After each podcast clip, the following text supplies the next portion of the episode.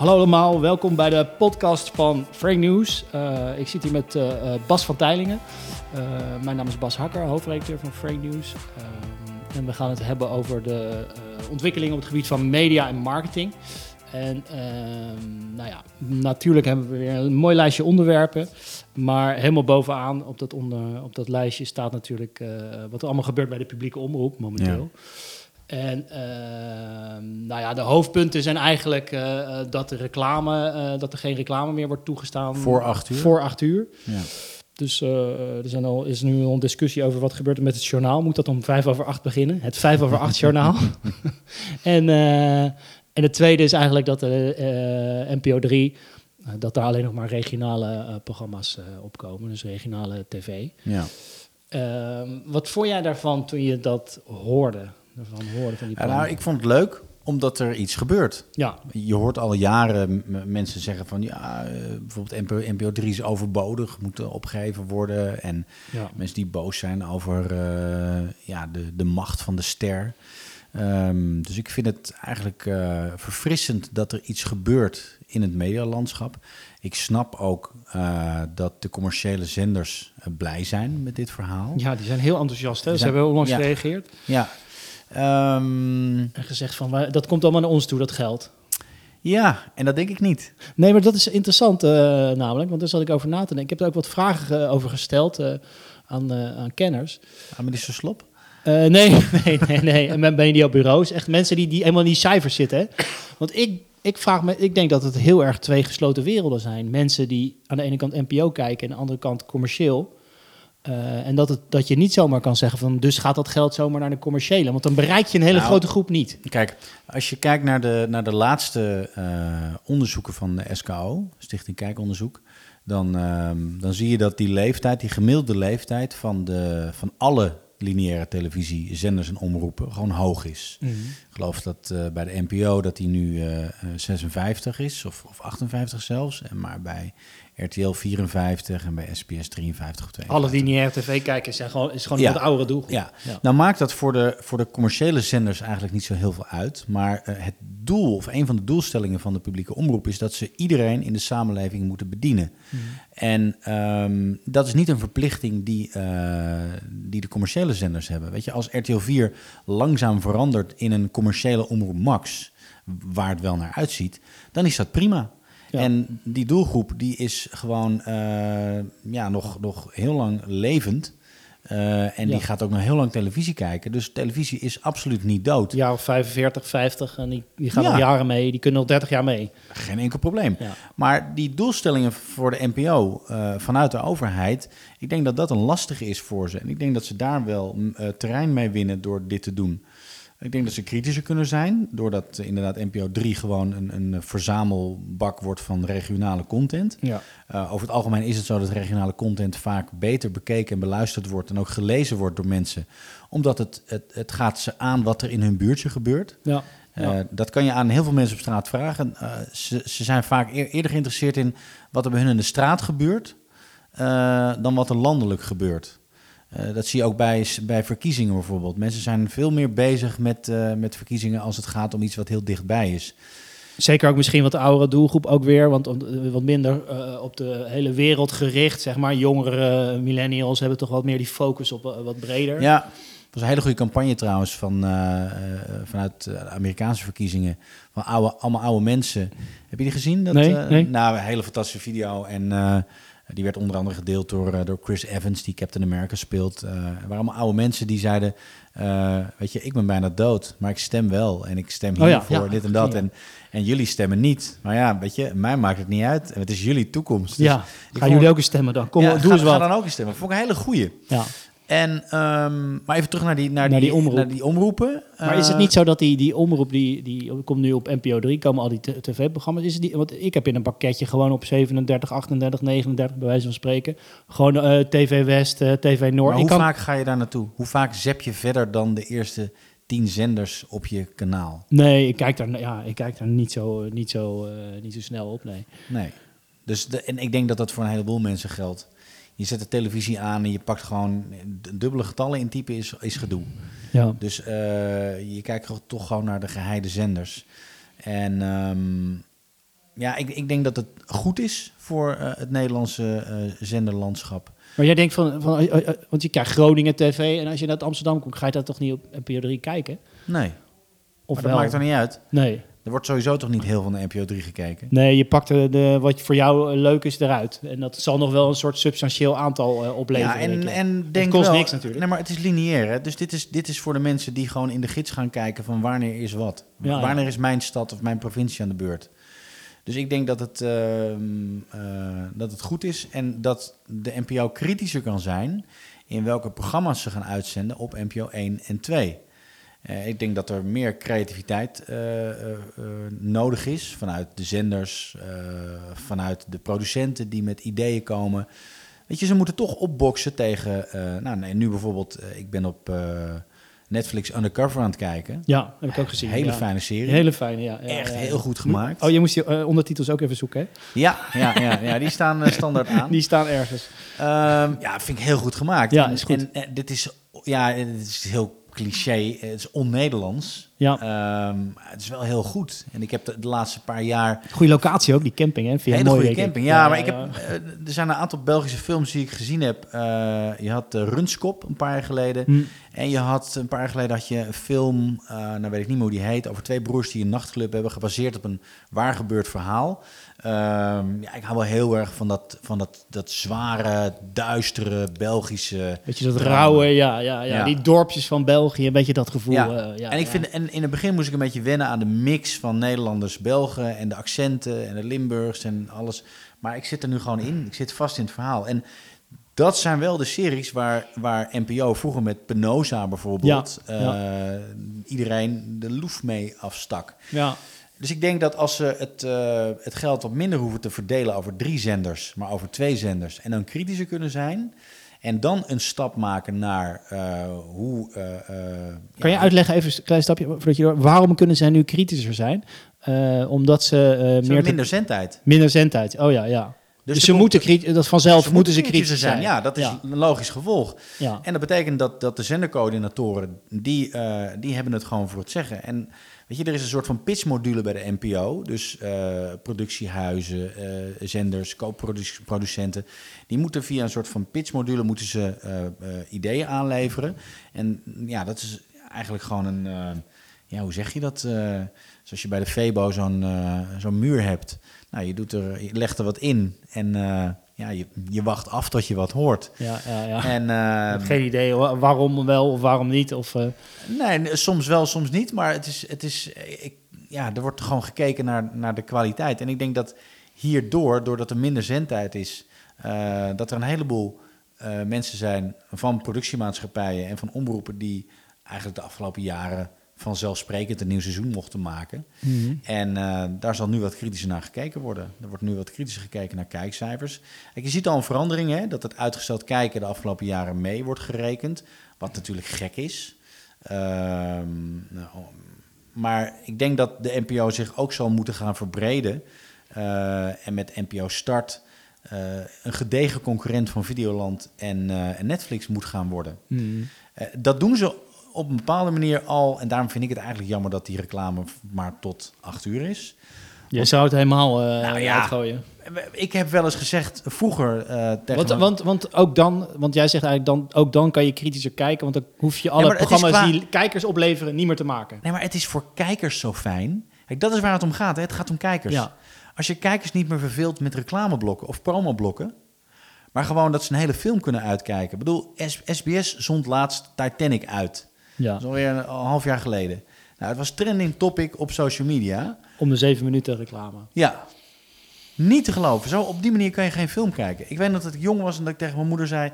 Uh, toen, er, uh, toen werd reclame op zondag werd toen uh, ingevoerd. Mm. En dat ik tegen mijn moeder zei...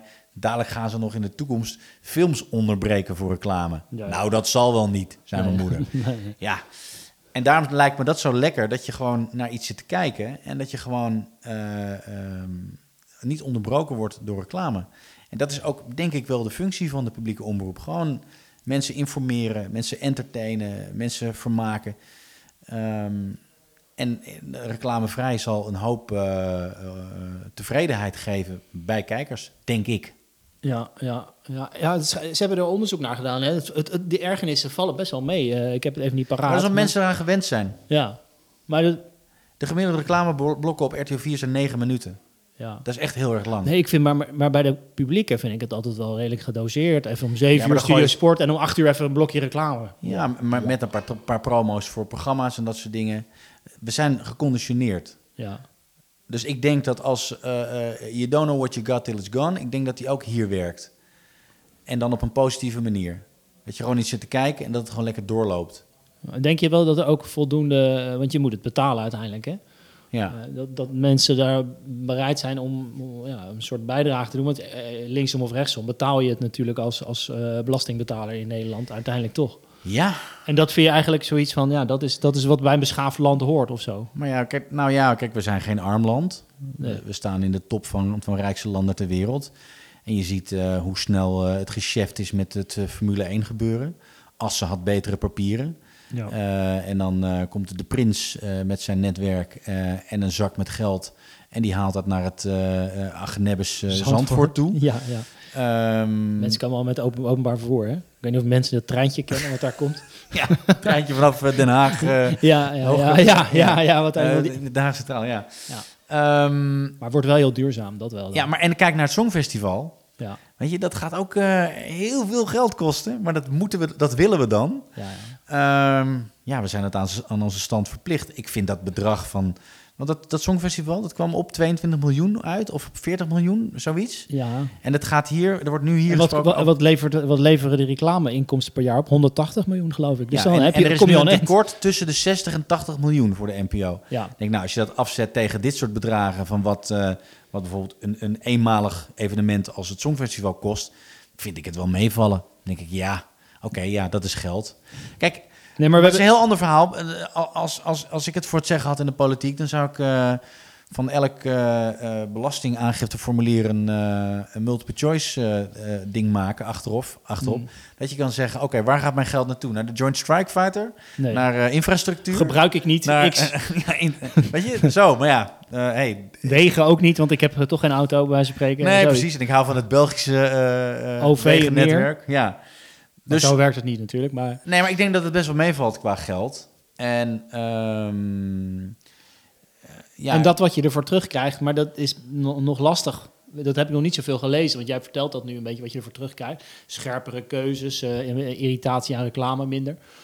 Uh, maar dat heb ik nog niet zoveel gelezen. Ik zie vooral... content waar mensen op zitten te wachten. Daar gaat het om. En ook op de platformen waar mensen zitten te wachten. En de NPO zal dan ook moeten kijken. Maar moeten ze daar dan niet over, ook iets over roepen al? Want dat, hoort. dat hoort. Maar daar zijn, ze, daar zijn ze voorzichtig in. Worden ze, ja. Niet om nu de NPO te beschermen, maar uh, ze zijn wel gebonden aan een heleboel regels. Hè? Ik bedoel, RTL 4 is, is vanuit uh, uh, RTL Veronique via Luxemburg als een soort piratenachtige manier neergezet uh, en heeft daarna TV10 weggevaagd. Uh, um, SBS is natuurlijk ook een, een, een veelkoppig monster, nu het van Talpa is. En de Nederlandse publieke omroep, die heeft ja, een, een heel boek met regels waar ze zich aan moeten houden. Die kunnen niet zomaar iets roepen. Nee, nee, nee. En dan heb je natuurlijk net die, die omroepen die allemaal gefuseerd zijn. Wat ook een soort van gedwongen huwelijken zijn. Ik maak het zelf mee. Als ik dan zit te praten met iemand van een omroep, dan en dan heb ik bijvoorbeeld een format en dan zeg ik van nou, ik denk dat dit leuk is. En dan zit je met iemand te praten van BNN-VARA. En als die persoon uh, eh, BNN-DNA heeft of VARA-DNA, zo werd, wordt er naar gekeken. Maar dat is totaal irrelevant toch in deze tijd, eigenlijk? Nee, dat, nee, nee maar, niet. Nee, maar kijk, maar als, gebeurt, ik, als ik met iemand van de Avrotros praat... en ik heb een format wat heel erg trossig is... dus heel erg Nederland muziekfeestachtig. Ja, ja. Bommetje, whatever. iets met Jan Smit. Ja. En dat is iemand die, die een chique vara-achtergrond heeft. Dan komt het er niet zo makkelijk doorheen. Dan zien ze dat niet meteen zitten. Dat is, en dat kun je mensen niet kwalijk nemen. Dat zit in hun opvoeding, dat zit in hun DNA. Zo zijn ze geconditioneerd. Maar jij vindt dat dat eruit moet eigenlijk? Nou ja, ik vind dat het dat nodig is. Ja, kijk, ik denk dat, dat de, de... Dat het niet relevant is in je keuze, want het heeft niks met tv maken te maken uiteindelijk. Eigenlijk niet, maar dat zit er nog in. En ik weet, weet dat zelf toen Endemol één werd. Ik werkte bij Joop van de, in de tv-producties. En John de Mol tv-producties uh, kwam naar Alsmeer toe. Wij noemden dat de koude kant. Ja. Nou, dat was een enorm cultuurverschil. En je kon niet die mensen samen uh, in producties neerzetten. Want bij John de Mol producties was het zo dat het allemaal top-down was. Weet je, daar, werd echt, daar, daar stond John zelf op de vloer en bemoeide zich met de vragen van een of andere dierenquiz. En bij Joop van den Ende kregen wij een mok met, met Joop die erop stond met een vinger. Think for yourself. Oh ja, ja, Ga maar op je bek, laat het maar gebeuren. Nou, dat clasht. Dat hebben ze heel snel hebben ze dat omgeturnd naar Entertainment 1 en Entertainment 2. Met andere woorden, Schotten Joop van den Ende producties en John de Mol producties. Heeft jaren geduurd voordat het is gaan, gaan mingelen. En er zijn nog een paar, de laatste der Mohikanen, die daar werken. Uh, en welk maak je de stap met de uh, uh, publieke omroep dan? Wat is dat? Nou, wat, dat heeft hoe zou dat eruit nodig? Zien? Dat heeft jaren nodig voordat dat. Kijk, kijk naar BNN. BNN was ooit een, een programma van Bart de Graaf op Veronica. Ja. Bart Boos, daarna kwam Bart Nieuws Network, dat is de afkorting van BNN. In de kelder. In de kelder inderdaad. En, en die wilde een eigen omroep, een beetje zoals, zoals Geen Stijl dat met Pound heeft gedaan. Um, en de, dat was voor de jongeren, want er was niks voor de jongeren. Nou, die jongeren die zijn ondertussen ouder geworden. Net als dat de 40-up feesten nu eigenlijk 50 en 60-up feesten zijn, waar je de winter draait. Dat is niet voor veertigers. Dus uh, wat, ze veel, wat ze vergeten is dat die jongeren, die willen gewoon, uh, die verversen. Maar dan moet je dus je omroep ook verversen. En als mensen daar te lang blijven zitten, de jonge uh, schreeuwers van toen, dat zijn nu veertigers en vijftigers. Dealers-achtige types. Ja, ik zeg maar even de nou, naam ja, van dat, BNN. Uh, ja, maar, de, de BNN-mensen. Die, die, bij ja. BNN... Ja, en, en kijk, wat, wat BNN dan doet, is, is hashtag boos met Tim Hofman. Ja. Maar Tim Hofman gaat ook al uh, richting, richting middelbare leeftijd. Ja. ja. Nee, dus ze moeten wel kijken, okay, wat, is, wat is relevant? Kijk, wat ik een goed voorbeeld vind van wat ze, heel, wat ze goed snappen bij de publieke omroep, is Zep en dan Zep Live. Ja. Die weten gewoon ja. nog heel erg aansluiting te maken. En die hebben een soort van crossover met, met televisie en YouTube. Klaas van Kruisten? Of uh, Klaas van Kruisten, Buddy Vedder. Dat zijn ja. mensen die eigenlijk ook influencers zijn. Die snappen de influencers. Die quiz is ook leuk met... Paardenmevrouw, Brit. En, uh, Brit inderdaad, ja. Je hebt Checkpoint, wat echt fantastisch is. Checkpoint is goed. Ik ja, zat met, Brit met, is leuk. met, met Dylan Hagen samen, zat ik check, Checkpoint te kijken... en dat wij zeiden, wauw, als we dit voor YouTube zouden kunnen maken. Ja, dat is leuk. Dat is geweldig. Dat is echt super content. Weet je, dat wordt gemaakt door... Uh, Heeft wel iets jachtseizoenachtigs ook, toch? Uh, ja, en het, het wordt gemaakt door Erik van Trommel en Gertjan van der Ende, Ernst en Bobby. Oh ja. En die oh, doen ook een theatertour daarmee. Dat is heel succesvol. Leuk. Um, maar... Dus, dat vind je een voorbeeld van, van hoe, het wel, hoe je wel jong kan denken, blijkbaar, op, uh, ja. op, op, een oud instituut eigenlijk wat de publieke ja. omroep is. Ja, maar dat, dat zijn die eilandjes die je hebt. En dat zijn niet alleen... Want dat vind ik wel grappig aan Zep Live. Als je gewoon zit te kijken, dan zie je... en dat vind ik zo ouderwets. Je ziet die screenbug van de zender, die zie je dan veranderen per... Uh, we gaan naar een ander uh, item. We Ja, gaan naar een ander... Nou, dan EO. Oh, dan komt de andere wordt dan. Ja, wordt dan Ja. eh, eh, weet je wel.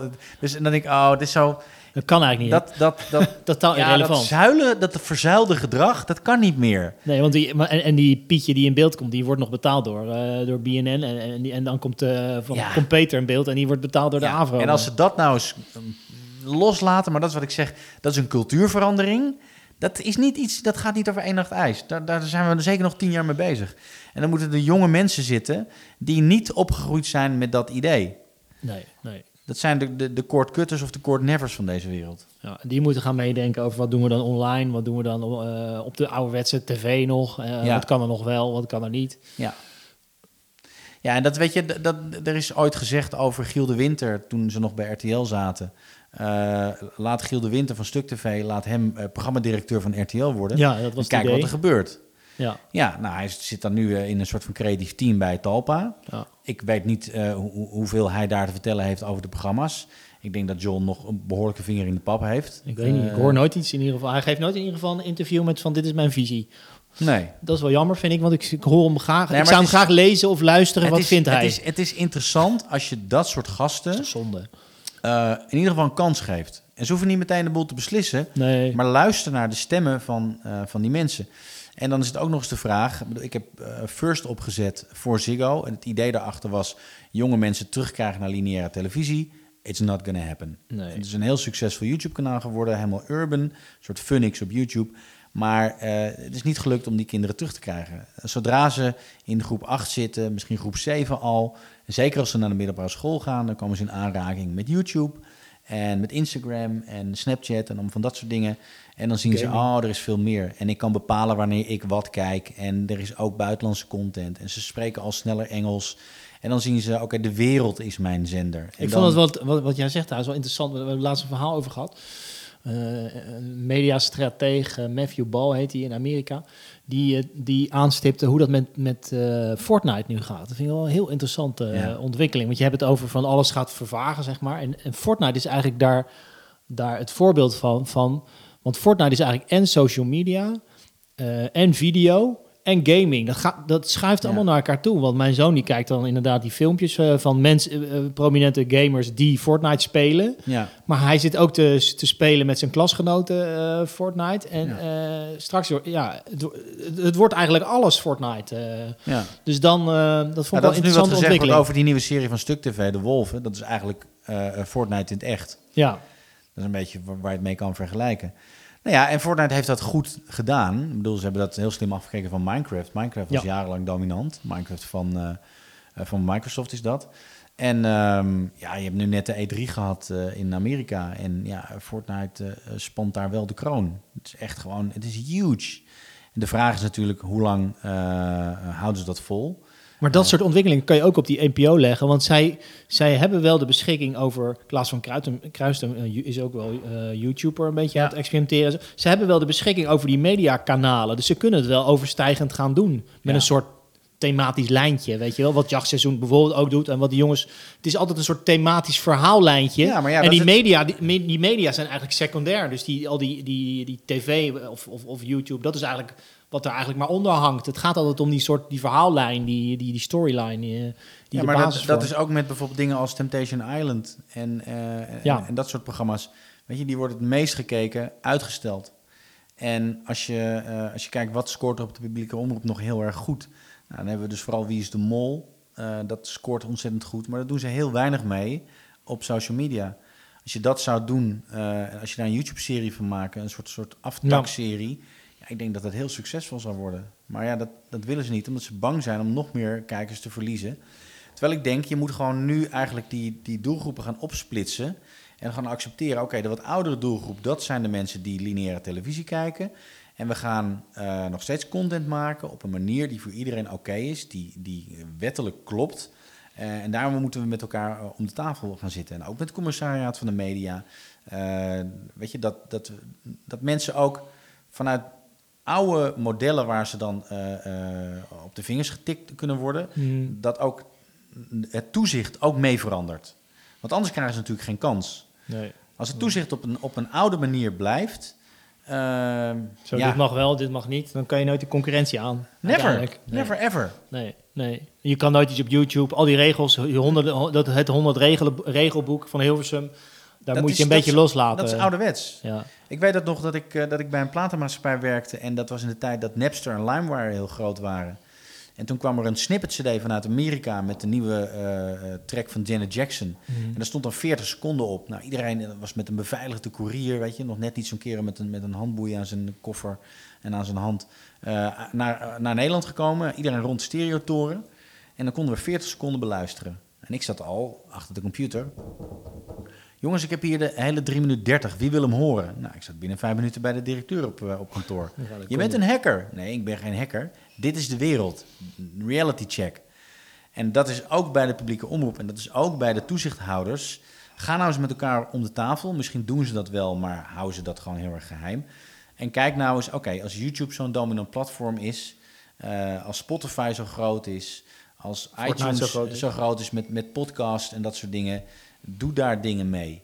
Duik daarin. Het, het is, het is, ja, je, je kan je niet meer verschuilen uh, achter ja, loze kreten van nee, het zal zo'n vaart niet lopen. Maar moet je dan bijvoorbeeld, uh, zoals in Frankrijk ook zeggen van we doen zoveel procent entertainment, zoveel procent Nederlands drama, weet je wel? Moet je dat soort Dat richtlijnen? Ja. Ja, je hebt wel dat soort richtlijnen. Uh, iets minder ja. uh, strak dan in Frankrijk bijvoorbeeld, geloof ik. Want daar zit heel veel op Franse productie ook. Ik, maar ze ik hebben wel gewoon dingen doen waar mensen op zitten te wachten. Ja, gewoon wat, wi wat willen mensen? Nou ja, kijk, ik, ik, ik ben nog steeds verbaasd over het kijkcijfersysteem. Er zijn 1250 kastjes en daarmee wordt gemeten hoe de hele Nederlandse samenleving televisie kijkt. Ja. En dat ik denk, oké, weet je, maar bijna iedereen kijkt digitaal televisie. Ga, ga dat nou eens meten. Ik denk dat het ook een machtiger middel is voor, uh, voor de televisiezenders en omroepen. Gewoon weten, om met precies weten data hoe ze te kijken. komen. Ja, ja, ja. Ja, dan kan je concurreren met, uh, met online platformen. Dan kun je kijken, oké, wat is mijn watchtime? Hoe lang kijkt iemand? En is het niet meer iemand die moet invullen met hoeveel personen hij uh, naar te landen zijn in de lucht kijkt. Nee, dan weet je precies wat gewoon werkt. uitlezen. Maar goed, dan, dan wordt er weer gezegd, ja, privacy, dit en dat. Ja, oké, maar wat wil je dan? Als je wil kunnen concurreren, dan moet je ook meegaan. Dan moet je op hetzelfde level gaan, uh, gaan opereren. En dan moet je weten wat werkt thematisch. Wat, waar mensen graag naar Ja. kijken. Wat mensen, Ja, wat Veel- kijken houden men- mensen van feel good? Houden mensen van... eh, Wat veel, kijken mensen uit? Actie-tv. Exact. Ja. En dan ga je daarop inspelen. En misschien wordt, eh, wordt NPO 1 eh, dan wel een, een non-stop nieuwszender. En dit, Ja. dit is natte vingerwerken. En wordt NPO 2 gewoon eh, puur entertainment. eh, van drama tot inderdaad de landen zijn in de lucht. Tot eh, eh, ja, dat soort dingen. Weet je, mijn ouders zijn 68 en 72. Die hebben nu een jaar geleden Netflix ontdekt. Ja, en die zijn toch wel een soort van om. Die kijken alles. hele trouwe NPO-kijkers zijn. Ja. En, eh, en, en waarom kijkt mijn vader nog NPO? Eh, schaatsen, tennis, Roland Garros, wat laatst was, weet je. Ja. Eh, Nee. live, live events, daar kunnen ze het mee winnen. Ja. En dat zie je ook met de zender als Fox, weet je, die dan eh, voetbal had. Ja, en mensen gaan massaal. En dan interesseert het mensen geen moer op welke zender het is. Nee, nee, nee. Want ze willen gewoon die content kijken. Live, en wat nu urgent is, hè, dus inderdaad, Wie is de. Mol is nu urgent, ga je niet Ja. terugkijken, maar eh, Nee, maar en, en het zijn, het zijn dingen Expeditie als... Robinson ook. Ja, maar de, de, de, eh, ik noem de aankomst van Sinterklaas. Ik Ja. noem Koningsdag. Eh, dingen die urgent zijn, dingen die live zijn. Mensen willen altijd bij verkiezingen de stemuitslagen willen ze zien. Eh, als, er, als er nieuwsdingen zijn en je kan er bovenop zitten... en je kan veel meer live nieuws doen... Eh, natuurlijk hopen we niet dat er, dat er nare dingen gebeuren. Eh, maar wat nog steeds een van de best bekeken televisiemomenten ter wereld is... is die jacht op O.J. Simpson. Ja, ja. Nou, nu ben ik niet aan het uitlokken dat er nare dingen gebeuren, maar eh, dan zitten mensen gekluisterd aan de buis. En ik denk dat nieuws ehm, in Nederland op een, op een hoog niveau zit. Eh, er wordt wel eens gezegd dat het of te links of te rechts is. Je hoort Jensen daar in zijn podcast eh, veel je- over. Heb je veel gehoord? Ja, ik haak op een gegeven moment ben ik afgehaakt, want het Ja. wordt een enorme complottheorie. Ja, het is echt Illuminati all the way. Al die hoedjes. Ja, wij, wij zijn aan het winnen, mensen. Wij zijn Ja. aan het winnen. Ja, nou ja. Ja, we hebben wel weer op zijn Jensen manier, want hij komt wel goed uit zijn woorden weer. Dus dat is dan Hij wel komt weer heel prettig. uit zijn woorden, ja. dat vind ik dan wel leuk. Fijne stem. Ja, Je moet ervan houden of niet. nee. Maar ik denk dat Nederland eh, en zeker de publieke omroep eh, qua nieuws en, en ook qua sport, dat ze daar meer zouden kunnen doen. Ja, ja, ja. Jij zou eigenlijk een paar elementen pakken waarbij die omroep, die publieke omroep, echt, echt waarvoor die is opgericht. Dus heel Ja. erg, heel erg zeg maar op die publieke Ja. taak, wat heel erg logisch is wat daar is. Zeg Ja. maar. Ja, maar je ziet toch wat John de Mol doet? Die gaat al die, al die, die voetbalwedstrijden van die lagere eh, regionen, gaat hij gewoon allemaal uitzenden. ja. En mensen willen dat zien. Dan komen we weer terug bij, bij het lokale huis-aan-huisblaadje. Mensen willen, willen iets wat dichtbij is. En mensen willen iets wat live is, wat urgent is. Eh, en dat is ook iets typisch Nederlands. Weet je, als er, als er ergens een cameraploeg staat, dan gaan mensen zwaaien en toeteren. En op de radio willen ze groetjes doen. Ja. Ga kijken wat ik voor je kan doen. Eh befaamde uitspraak van Gerard Ekdom. Maar is dat wel minder entertainment, denk je dan, uiteindelijk? Nou, wat is entertainment? Dat is toch zo breed? Nee, maar eh, eh, ik bedoel, eh, is er, is, bestaat eigenlijk publieke omroepachtig entertainment, denk jij? Is dat, is dat ik, ja, Ik denk dat dat, ik denk dat dat niet meer bestaat. nee? Nee. nee Kan- maar kijk, een programma als, als 1 tegen 100 heeft bij de publieke omroep gezeten. Ja, en nu zit op RTL en kijken net zoveel mensen. Ja, dat, weet je, uiteindelijk verhuist het publiek gewoon mee. En hangen ze aan mensen en hangen ze aan formats. Niet altijd, maar vaak wel. En ehm, ik bedoel, ik hoorde laatst eh, Jack van Gelder zeggen dat hij eigenlijk prima op zijn plek zit. Het enige wat hij mist is radio. Oh, ja. Hij zit bij Ziggo, maar hij mist het radio. En, en daar mis ik hem ook wel. Weet je, dat vond ik. Ik werkte vroeger in een kroeg als DJ. En dan, eh, als er een Nederlands elftalwedstrijd was, Zet dan zetten we de radio aan en het geluid van de televisie uit. Want dan, ja, we vonden Jack van Gelder vonden we veel vetter. Dus ja, maar die, die gewenning die kunnen ze ook vanuit de publieke omroep eh, inzetten. Wat je net zelf zegt, zo'n Klaas van Kru- Kruisum of, of Buddy Verder. Ja, Eh, kweek je talent en kweek het op, op, op meerdere platformen. Ja. Denk je niet dat een, een nu NPO 3 verdwijnt, dat dan ook, die, ook uh, zo'n ZEP-instituut dat dat minder kansen krijgt? Of gaan ze dat gewoon op één of twee... Ik gok dat ze dat... Het zou zullen niet... ze niet weggooien? Nee, waarom? Nee. Het, is, het, is, het is heel succesvol. En het is in ieder geval nog iets waar ze de jonge doelgroep mee bedienen. Ja. En vind je dat ook eigenlijk publieke omroep is? Zoiets? meer dan, of, of kan ook of kan dat ook op RTL, bij wijze van spreken? Nou ja, kijk, Mega. Blubber had je. Ja, vroeger hadden we Telekids natuurlijk. Telekids, ja. Uh, kijk, het, dat was niet veel anders, maar ik nee, vond het wel iets inhoudelijk. Jetix had je ook. Iets meer jeugdjournaal zit er wel in, ja, ik. Ja, het, het, het, is iets inhoudelijker inderdaad. Het is dure televisie, kindertelevisie. Ja, dat zal. Uh, omdat, het, omdat er uh, in verhouding weinig mensen naar kijken. En uh, zeker ja. als je live gaat, is dat gewoon duur. En dus daarom iets meer subsidie erin en iets logischer op het publiek omroep misschien. Vind ik wel, ja. ja, ja, ja. En Telekids is niet meer wat het was natuurlijk. Nee. Dat is niet meer Carlo en Irene van vroeger. Nee.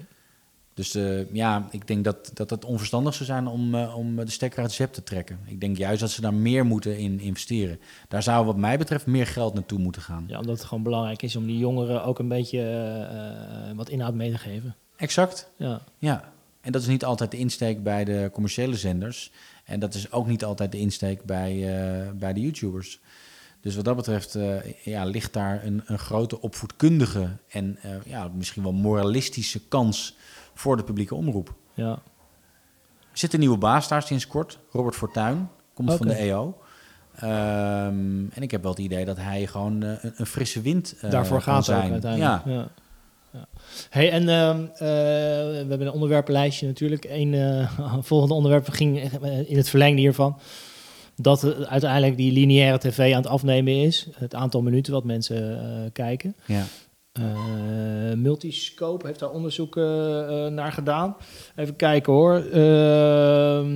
On-demand tv, dus Netflix en dergelijke, is met zeven minuten omhoog gegaan. nee, 7% omhoog gegaan en lineair 5% omlaag. Dus het is aan het verschuiven inderdaad. Ja. on-demand kijken, 100, kijken mensen 139 minuten, is totaal, totale doelgroep dan. Mm -hmm lineair 118. Dus uh, ja, het, is, uh, die, die, het gaat die kant op, waarbij de ouderen, denk ik, uh, nog wat meer lineair kijken. Ja. Uiteindelijk. Nou, dit is ook een belangrijk signaal naar de, naar, naar de marketing-communicatiewereld. Hè? Dit is voor de marketeers, voor de reclamebureaus, voor de mediabureaus ook een signaal om um, niet vast te blijven houden aan die televisiecommercial. Nou ja, dat is het natuurlijk. Maar ze zijn wel. Kijk, het is wel zoeken natuurlijk. Want als, als 7% naar. Uh, noem het Netflix-achtige modellen gaat, daar kan ja, maar, je geen reclame maken. Ja, maar neem, neem, neem het hele Game of Thrones Starbucks verhaal. Heb je daar wel iets van meegekregen? Uh, dat die Starbucks beker in beeld stond? Ja. Wat oh. zogenaamd een movie mistake was. Maar waarvan nu wordt gezegd, ja, dit is een briljante zet van Starbucks. Uh, HBO had nog wat geld nodig en ze hebben gewoon bewust die beker daar neergezet. En de hele wereld lult erover. Ja. Ja. Nou, als je op, nou, dat, op ja. dat soort manieren kunt gaan denken over branded content. Uh, en natuurlijk kan je dat niet bij elke serie doen, maar. Um, nou, ik heb, ik heb toevallig, ik luister van die obscure uh, podcastjes en zo. Waar mensen, mij niks. Kleine, kleine podcastjes van, me, van mensen die dingen over vertellen over, over advertentiemodellen. Ja. En dan hoor je wel eens mediabureaus zeggen van ja, Netflix geen reclame en zo. Maar er is wel stiekem wat te regelen, zo tussen neus en, lipje, en lippen door. Er is wel, als je belt, is, gaat de, de, die jongen zat te vertellen, een grote uh, media, uh, van een groot mediabureau, die zat te vertellen van uh, ja, een jaar geleden ging die deur echt dicht, hè, als je als merk belde met Netflix. Ja. want, want wij doen abonnees en wij verdienen niks. Maar nu, met, met adverteerders, maar nu begint het wel een beetje te te schuiven van waar wat is er wel ja, mogelijk. Ga eens met de producent praten, wordt er dan gezegd. En uh, die hebben misschien nog wel een budget nodig. Ja. ja. En, dan, en, en echt in de content zit het ja. dan. Hè? Dus maar uh, neem, autootjes. Neem films. Ik, uh, gisteren ben ik naar de première van Men in Black geweest.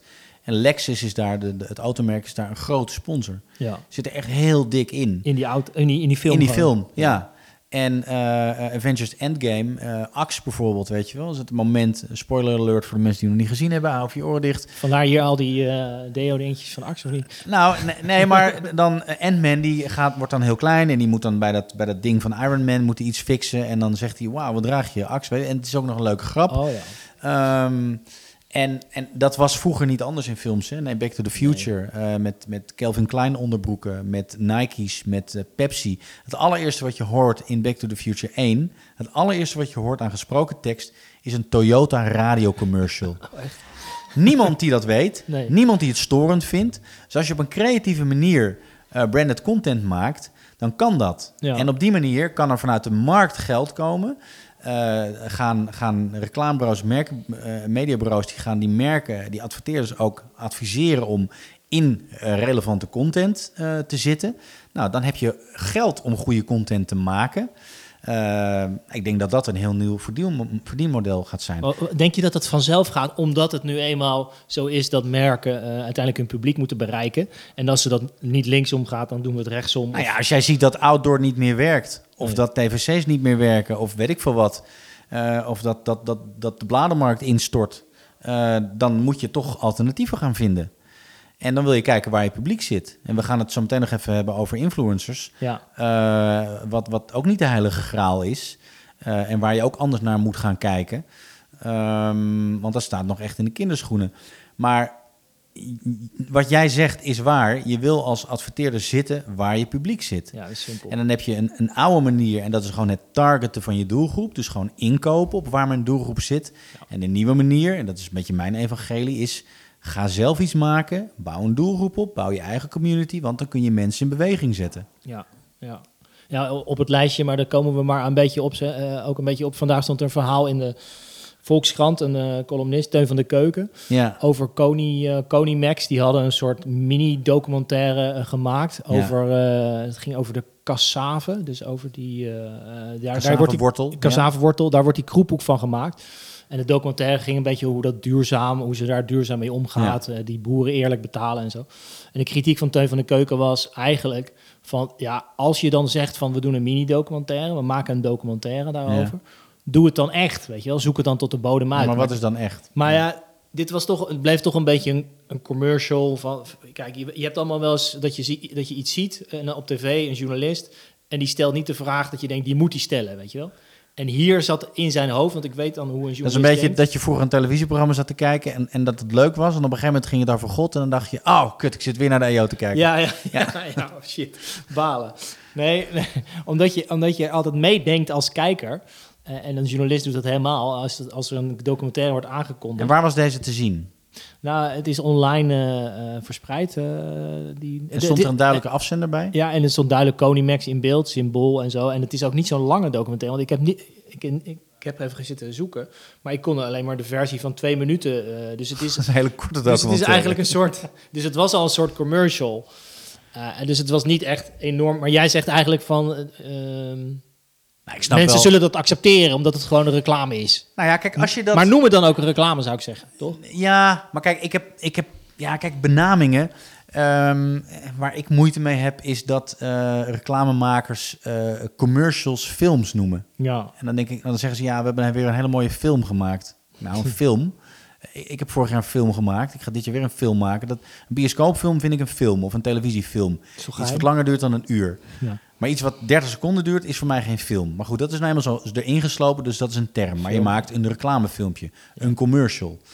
Eh, ik heb laatst iemand ontmoet en eh, toen werd ik aan hem voorgesteld. Ja, dit is die en die. En eh, hij heeft de afgelopen jaar een paar hele mooie films gemaakt.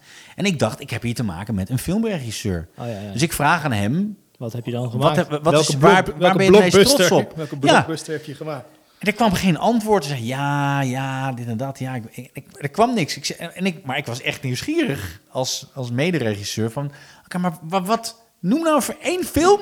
Wat is iets wat ik ken? Ja. Ja, er kwam gewoon geen antwoord. En toen had ik door.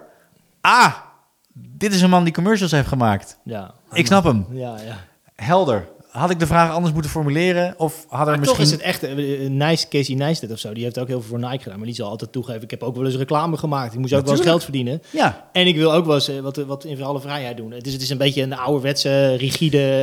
eh, ja dat is, het is heel Lijn. rigide. Kijk, maar ik snap vanuit Teun van de Keuken... die natuurlijk, weet je, vanuit... die denkt als journalist echt. keuringsdienst van waarde, weet je wel. Ja. Die is heel ja, Inhoudelijk. inhoudelijk en, en, en moralistisch. En die wil echt, echt, echt. Ja. En eh, ik geloof dat het eh, Tony Chocolonely is ook ooit ontstaan vanuit, Ja. vanuit hem. Slave free chocolate. Ehm, ik, ik snap het en ik denk dat het in de benaming zit, maar ik denk dat de mensen ondertussen ook niet achterlijk zijn, want we hebben ook iets gehad met, hoe heet ze, onze voormalig nieuwslezer die nu fotograaf is. Sascha de Boer. Sascha de Boer. Die iets dat stond in het verhaal ook, ja. Ja, die ging iets voor koffie doen. Ja. En, uh, en ja, was gewoon een reclame voor koffie. was gewoon een reclame voor koffie. Maar noemen we dan ook reclame voor koffie, toch? Ja, maar kijk, ik snap wel dat wat Konimax doet, dat, dat heet ketenverduurzaming. En dat is al waar ze jaren mee bezig zijn. Er is iets dat heet Initiatief Duurzame Handel. Mhm. De directeur daarvan is Joost Oorthuizen. Ja, daar ging het ook over. Ja, die, ging, die is bezig met, met de verduurzaming van ketens. Dat gaat over natuursteen, het gaat over katoen, het gaat over cacao. Ja. En dat gaat dus ook over dingen als, als cassave. Ja. En zij willen dat er gewoon, dat in de hele keten, van, uh, van het begin tot eind, dat iedereen op een gelijkwaardige en menswaardige manier behandeld wordt en betaald wordt. Uh, en dat is heel erg goed. En ik vind het heel goed dat Konimax laat zien dat ze daarmee bezig zijn. Uh, Mars is daar bijvoorbeeld ook mee bezig. Weet je, als je op chocola ziet staan dat het UTS certified is, dan weet je dat ze in ieder geval de intentie hebben om, het, om die hele keten te verduurzamen. Dus ze zijn goed bezig, maar het is niet meteen zo extreem links als steun van de keuken zou willen. Nee, maar dat is mijn vraag. Zou, zou, zou, uh, zouden ze het zelfvertrouwen hebben al bijvoorbeeld bij Konimax? Om te zeggen van hier Teun, uh, je krijgt uh, Geld. 100.000 euro. En ga maar een hele gave docu van een half uur maken. En zoek het maar uit en het mag alles worden. Als je als merk uh, als je niks te vertrouwt. Als je niks te verbergen hebt, doe je dat. Hebt, dan doe je dat. Ja. En, en, mijn, ik deel niet helemaal zijn mening, want ik, ik ben ook wel van de praktische kant. Van, je moet ook wel realistisch zijn en je moet ook wel, het is ook gewoon een merk wat, wat, wat, wat geld moet verdienen, geld moet opleveren uiteindelijk. Ja, en het zou, eh, hij zal misschien zeggen dat het een beetje greenwashing van het merk Greenwashing, ja, precies. Dat is zijn stelling. Maar, maar uh, eigenlijk zou je naar een wereld toe moeten, inderdaad, dat ideale wereld die niet bestaat. Maar dat, dat ze zeggen van, hier Teun, ga maar lekker doen. Maak het maar gewoon. Maak nou, het zo kritisch filmpje, als je wil. Ik zag een filmpje en... Uh, Want dan kan je afrekenen. Dan zeg je gewoon, het is een goede film of een slechte film. En niet zozeer van, het is reclame of niet. Nee, maar ik zag een filmpje uh, van uh, maker heet Tom Roes. En die heeft een filmpje gemaakt voor een nieuw Facebook kanaal. En dat ging ook over dit soort dingen. En het ging over het basilicumplantje. Hmm. Waarom gaat het basilicumplantje altijd na een paar dagen dood? Dus je koopt een basilicumplantje bij, bij de supermarkt en die staat dan. En je hebt dan het idee van, oké, nou ja, dit plantje kan ik neerzetten, ik geef het water. En ja, het gaat toch weer dood na zeven dagen en dan moet ik een nieuw plantje kopen. Zijn dat dan oplichters? Hmm. Nou, dat zijn ze gaan onderzoeken. En toen zijn ze ook naar een, uh, naar een, uh, een kweker gegaan in Nederland die basilicumplantjes kweekt. En die geeft gewoon heel duidelijk aan, ja, mensen die doen het gewoon verkeerd, want ze geven aan de bovenkant water. En dan komen dan bacteriën. Je moet een plantje moet je aan de onderkant water geven. Oh, oké. En, um, uh, ja, en het is een heel grappig filmpje en het is heel eerlijk. En die mensen die werken ook gewoon mee. Terwijl je eigenlijk zou denken van, ja, waarom zou je meewerken? Want uh, als mensen veel langer hun basilicumplantje hebben, dan worden er minder basilicumplantjes verkocht bij de supermarkt. En is ook voor jullie handel niet goed. Nee, nee. Maar dit zijn mensen die hebben een passie voor basilicumplantjes. Dus die willen dat die basilicumplantjes een beter leven krijgen. Ja, ja. Nou, en ik denk dat inderdaad als een merk, zo bijvoorbeeld Konimax in dit geval, uh, heilig gelooft in zijn, in, zijn, in zijn duurzame keten en in de, de, uh, ja, daar waar ze voor staan ja, dan zou ze zonder probleem uh, Teun van de Keuken een documentaire kunnen laten maken. Ja. Uh, de vlag mag uit voor het eerste merk dat dat gaat doen. Ja. Welkom in mijn bedrijf. En ook wel Want dus... ik zag ook een McDonald's filmpje hè?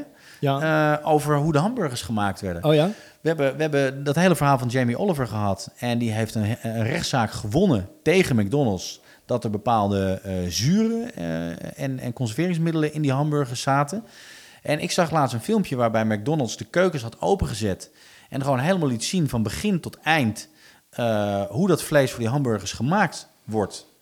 En uh, dat zag er niet uit als een reclamefilmpje. Uh, en ik moet zeggen dat ik daar wel gevoelig voor ben. Dat op het moment dat Jamie Oliver dan wint en dat er dan een of ander, nou, ik weet niet wat, of er accuzuur in zat of nou, iets, of ammonium of, of, of iets, zoiets. En dat was gewoon een reactie daarop. Ja, en uh, uh, ik vind het stoer dat een bedrijf als McDonald's dan gewoon zegt: Oké, okay, nou, wij stellen onze keukens open. En laat maar gewoon zien wat er gebeurt van begin tot eind. Maar ik vind het wel stoer als ze dat ook daadwerkelijk doen. Dus dat ze niet dan het reclamebureau bellen en zeggen: Ga het maar doen. Maar dat ze dan echt, echt een goede, dit zag er, dit zag goede foodjournalist ook vragen: van, ja. Zoek het maar uit. Ja. Ja. Ik denk dat merken daar heel veel te winnen hebben. Ik denk het ook. En Transparantie is wat mensen willen. En zeker door social media en door, door, door de hoaxen in deze wereld... eh, is, is een roddel en is, is merkschade heel snel bereikt. Ja. En dan kan je beter, maar als het nou bijvoorbeeld wel een fout ergens in zet, kan je dat beter maar ook gewoon ergens zeggen. van, vertel ja, het. Best wel, even- we doen inderdaad dit, dat is niet verstandig. Laten we het eh, voortaan beter doen, weet je wel? Ja, Maar ja, dat is misschien een soort eh Pipi Ja, Lankhuis, dat is- Lankhuiswereld. ja dat is ja, wel een beetje, ja. Beetje naïef. Het is, ja, Maar ook de makers en zo, die moeten er eigenlijk een soort bij- bijdragen van, van eh, kunnen we het niet gewoon eerlijk doen, weet je wel? Ja, maar kijk, je hebt daar bijvoorbeeld een merk met een merk als Shell, weet je, die aan de ene kant natuurlijk gewoon eh, eh, de wereld aan het verkloten zijn. Ja. En aan de andere kant zijn ze heel erg bezig met, en ja, en of dat nou greenwashing is, weet ik niet, met eh, eh, jonge mensen allerlei dingen leren en, en, eh, en onderwijs, onderwijzen over een betere wereld en dat soort dingen. Ja. ja, het is ook een beetje de wereld waar we in leven. Het heeft wel iets ja, paradoxaals of zo, weet je wel? Het heeft ook wel iets gemakkelijks. Dat. Dus vind ik ook wel een beetje een nadeel. Ja, Maar, maar transparantie, zeker met de kanalen die ze zelf hebben. ehm, maar je hebt het over transparantie. Kunnen we mooi even naar dat, naar dat andere onderwerp, en die influencers, vind ik wel een goeie. Eh, want je ziet heel veel onderzoeken. Het gaat er niet om, eh, om die influencers te bashen. Maar je ziet heel veel onderzoeken en dat heeft te maken met, en die hebben te maken met vertrouwen. Van Ja. hoeverre vertrouwen mensen nog eh, die een influencers. influencer. Ja. Ja, in hoeverre ga ik daar nog aan mee? Ik heb laatst een onderzoek gelezen, ehm, was onder, werd gedaan door een mediabureau, UM, een groot internationaal Ja. mediabureau. 56 eh, in, eh, actieve internetgebruikers, 56.000. En eh, hebben ze gewoon over de hele wereld eens gevraagd van, ja, wat vinden jullie nou van, van influ- influencers? En de, de kop van dat verhaal eigenlijk in de drum was, was van, nou ja, 4% eh, heeft vertrouwt het grootste gedeelte wat influencers zeggen Mhm. op social media. Dus je moet wel even Ja. goed nu genuanceerd. Het grootste gedeelte wat ze zeggen, heb ik vertrouwen. Dus maar 4%. Ja. Eh, ik geloof dat het percentage 36% was, maar dat was dan alleen in Engeland. eh, die eh, influencers vertrouwen als ze iets zeggen over een product of dienst. Oftewel, en je leest wel heel veel van dat soort onderzoeken van. Dat vertrouwen ligt wel onder vuur. En het is wel deels een imago-kwestie. Mhm. Maar jij zit een beetje in die wereld. En ik ben eigenlijk benieuwd naar niet zozeer van wat is er nou aan de hand. Nou, ook wel belangrijk, maar ook van hoe ga je dan daarmee aan de slag? Weet je, hoe, hoe kan je. Nou, ik denk dat wat het, kan je doen? eh? het, het probleem van influencers is dat, eh, is dat iedereen influencer kan worden. En zeker ook doordat er eh, fake volgers gekocht kunnen worden en fake likes en fake reacties op alle platformen, zal daar iets aan gedaan moeten worden. A- aan de ene kant vanuit de platformen, gewoon zorgen dat het technisch gewoon niet mogelijk is. En dat moet kunnen. Dat moet echt gewoon kunnen. Eh, als je kijkt wat die grote bedrijven verdienen, ik geloof dat de revenue van, eh, van Google is eh 15 miljoen per uur. Eh, nou, daar hebben ze best wat geld over, denk ik, om, om dit gat te kunnen dichten. Gewoon ervoor zorgen dat elke volger er één is, een eerlijke volger is. Ja, dat ze dat Ja. gewoon checken. Ja. Ehm, maar ja, dat is niet per se hun core business. En ehm, aan de andere kant denk ik, als die algoritmes dus beter zijn en, en eh, als ze puur alleen die algoritmes aanpassen en zorgen dat, eh, dat ze onderscheid kunnen maken tussen fake en, eh, en echt, dan, ehm, ja, dan, dan verdwijnen de, de, de slechte influencers. Ehm, ik hoop dat de influencers die zichzelf serieus nemen, zichzelf ook wat meer als merk gaan zien. En, en ook, ook een, een staalguide maken en een, Ja. eh, en een brand key. En eh, En gewoon Ja. weten wat je publiek is. ja, weten wat je publiek is. En, eh, en ook een, een lange termijn strategie hebben. En je ziet een hoop jonge, jongens en meisjes die eigenlijk alleen maar gratis spullen willen. En bekend willen worden. En verder helemaal niet nadenken over hun eigen imago. En ehm, we hebben het al eens eerder gehad over het Monika Geuze model. Monika Geuze die, die gewoon heel weinig campagnes doet. Eh, en als ze er eentje doet, dan doet ze een goede, waar ze lekker van kan leven. Maar die Ja. is geen sell-out. Nee, je weet precies Ehm, eh, wat de achterban ja, die is. weet, ja, die weet wat ze wil en die weet, nou, dit is goed en hiermee vervuil ik mijn content niet. Maar ja, er zijn ook een heleboel eh, influencers die gewoon alleen maar drijven op giveaways. Instagram-accounts die elke dag alleen maar cadeautjes weggeven en daardoor veel volgers krijgen. Ehm, eh, je ziet ook een, En, en, en uh, bijvoorbeeld Gabi Blazer, weet je wel, uh, was ooit uh, actrice Ja, in actrice, goede tijden. En eh presentatrice, nou ja, die staat nu vooral in de blote kont eh, op Instagram. Hmm. En dat, eh, nou ja, dat, dat gaat heel goed. Eh, maar lekker. wat dat voor toekomstperspectief Maar voor dat wordt geeft... beloond. Ja, dus de beloning zit heel erg in, in, in de views, in de hoeveelheid, wat in de heb- maar wat kwantiteit. heeft zij nou voor toekomstperspectief? Wil zij nog serieus gaan acteren? In, in wat voor series, in wat voor films? Ik weet het niet. Nee. Ik, eh, eh, ik gisteren bij... bij eh, Maar dat zit toch heel erg in die, eh, als je dat eh, iets daarboven gaat hangen, in het model eigenlijk, dat, het- dat het heel erg veel oplevert uiteindelijk om heel veel views te hebben. Ik bedoel even op de Ja. korte termijn dan. Maar ja, kijk, ja, Of is maar dat dan heb kortzichtig je, geredeneerd Ja, dat is kortzichtig. Kijk, ik denk dat, dat merken moeten gaan eisen dat er conversie komt. Dat alleen brand awareness, dat hoofdstuk, dat hebben we nu wel gehad. Ja. Weet je, we kunnen nu, oké, we, we laten een influencer reclame maken voor je merk. Hartstikke leuk, we hebben brand awareness. Maar de conversie, wat gaat er nou daadwerkelijk? Dus neem een film als Men in Black. Eh daar zit een gastrolletje in van eh Anna Nushin. Mhm. En eh nou, gastrolletje, het is, ze zijn op een gegeven moment in een, in, een, in een soort hoofdkantoor. En dan zie je op een scherm, zie je dan Anna Nushin. Oh ja. En dan wordt er wat algemeens over gezegd door Liam Neeson. Nou ja, dit is iets wat ze bij elk land waarschijnlijk hebben gedaan met een influencer, met een lokale influencer, echt gelokaliseerde content. Handig. Eh, heel handig, hartstikke leuk. Maar wat gaat het daadwerkelijk opleveren? Wat gaat het opleveren dat zij dan in die film speelt, tussen aanhalingstekens? En hoeveel extra mensen gaan er dan naar de film om haar in die film te zien? Ik denk dat het heel weinig is. En, ehm, eh, en wat ik net ook zeg, eh, merken willen uiteindelijk naar conversie toe. En eh, als ik praat met mensen van Jamin, die zeggen heel leuk, wij gaan influencers niet betalen. Want Dylan Hagens maakt gewoon video's over je met Jamin spullen op zijn kanaal. En dat doet hij wat hij leuk vindt. En daar kijken 700.000 mensen naar. Ja. En eh, ja, waarom zouden wij dan iemand betalen? Nou, dat is vanuit het merk, het merk Dylan Hagens in dit geval, niet heel erg slim bedacht. Nee, nee, dat hebben ze ooit gedaan. Zijn ze een paar jaar geleden mee begonnen. Omdat Jamin zijn strategie veranderde naar gek snoep. Hele lange winegums, superzure matten, dat Oh soort ja. dingen. Nou, dat is leuke content.